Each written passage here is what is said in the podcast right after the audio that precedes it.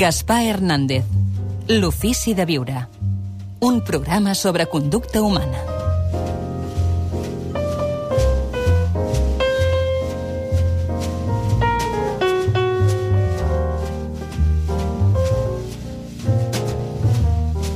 Obrim el bloc de notes. Àlex Rovira, ben retrobat. Molt bona nit. Molt bona nit, Gaspar. Bé, suposo que estaràs d'acord amb mi, tu que has estudiat ESADE i que sí. coneixes molt i molt bé el món de l'empresa, mm. en què hi ha empreses encara molt antigues, malgrat que tenen la façana de modernes. No? Cert. I així com en altres àmbits de la vida veiem tallafocs que tallen realment un abans i un després i notes un canvi radical, en l'empresa moltes vegades veiem façanes molt modernes i directius molt antics. Sí, sí, que, que efectivament, que d'alguna manera tot el que és la comunicació o de portes en fora transmet una determinada imatge de modernitat, de creativitat, de simetria relacional, de llibertat, i que en canvi internament obeeixen molt a un, a un model de capatàs, i de qui jo mano i tu et sotmets, o, o d'alguna manera de valors molt, molt, molt lligats amb una cultura de dominació. Són paradigmes que en dius tu de dominació, efectivament. Correcte. I, de fet, podríem dir que hi ha dos paradigmes, no? el paradigma de la dominació i el paradigma de la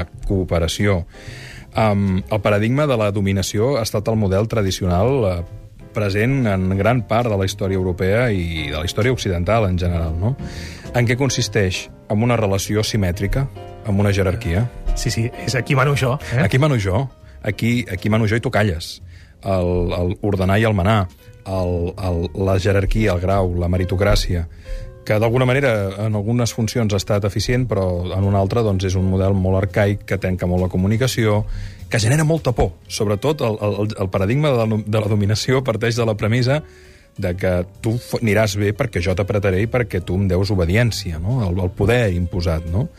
I a la llarga són aquests models relacionals que tendeixen a, a fer que la gent es cremi, no? Llavors hi ha un altre model que estaríem, suposo, d'acord amb que és el bo, val? si és que hi ha d'haver Si més no, molt més saludable, psicològicament. Tu creus que el dia que manin més dones anirem més cap a l'altre model de cooperació?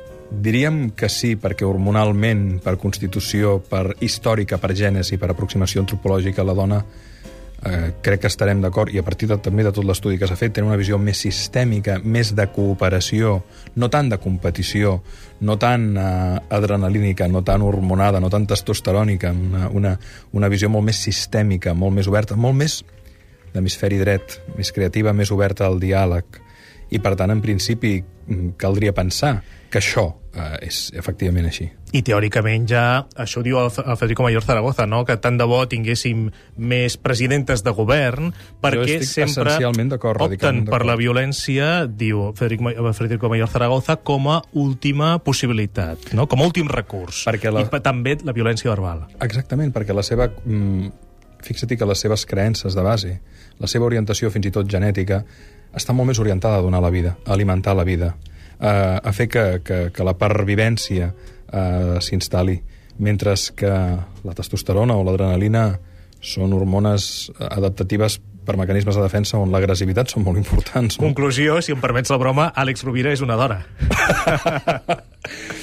jo diria que no, que en, el, en el procés... El que és molt interessant és que potser coincidirem que en el procés de que una persona mira de treballar-se psicològicament, mira de treballar-se fins i tot espiritualment, no és que es vagi feminitzant, però, però d'alguna manera sí que emergeixen funcions com la necessitat de la paraula, com precisament el poder, i podem parlar en un proper bloc de notes, no? com la no inundació emocional. Què és la inundació emocional? Doncs això que passa a molts homes que no poden expressar les emocions i es bloquegen. No?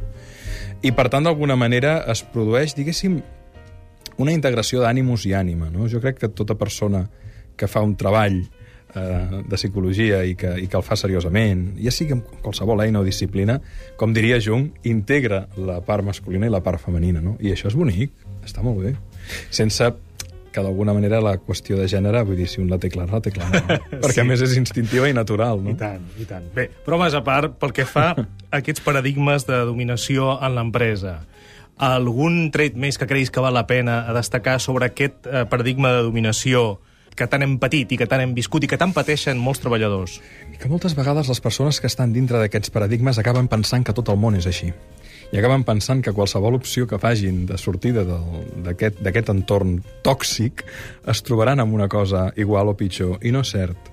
És a dir, sense caure en la ingenuïtat o en una falsa utopia, cada cop hi ha més les cooperatives, en principi, funcionarien més des del paradigma de la cooperació i cada cop més, en major mesura, les empreses joves on es busca una, una comunicació oberta, uns sistemes d'innovació oberta, uns sistemes de, de facilitar el diàleg, l'intercanvi, de bueno, tot el que seria el, el, el món de la nova empresa que està emergent dintre de la, de la, de la classe cultural creativa i, i universos similars estan molt més dintre d'aquest enfoc i, per tant, són entorns on les persones es poden realitzar més i on, d'alguna manera, no hi ha aquesta relació de capatàs eh, esclau, sinó una relació més humanitzada que tu també vas patir, com expliques, de fet, a la bona sort o a, a la brújula interior. interior. Bueno, D'alguna manera, tots aprenem, són no? fruit d'aquests llibres, són fruit també d'aquestes etapes. No? D'una experiència. Jo crec que tots hem tingut la sort de, de tenir models de referència que hem estimat i admirat i altres que hem dit, jo no vull eh, repetir això. Vull dir, eh, i,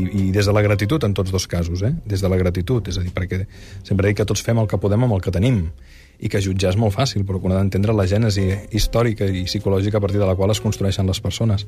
Però crec que moltes vegades aprenem més d'allò que no volem tornar a viure ni repetir que de les coses bones de la vida. En tot cas, Àlex, et proposo que la setmana que ve parlem d'aquesta inundació emocional. Eh? Parlem-ne que amb, tant, amb tantes pluges de primavera també s'escau el concepte. La setmana que ve, doncs, parlem d'aquesta inundació emocional, aquest sentir-nos handicapats, alguns homes, sí, a l'hora d'expressar emocions. Fonamentalment els homes, sí, efectivament. Gràcies, Àlex. A tu, Gaspar. Bona abraçada. Bon cap de setmana. I als oients també, moltes gràcies, molt bon cap de setmana i tornem dilluns amb un programa que hem titulat Com donar el condol. Bona nit.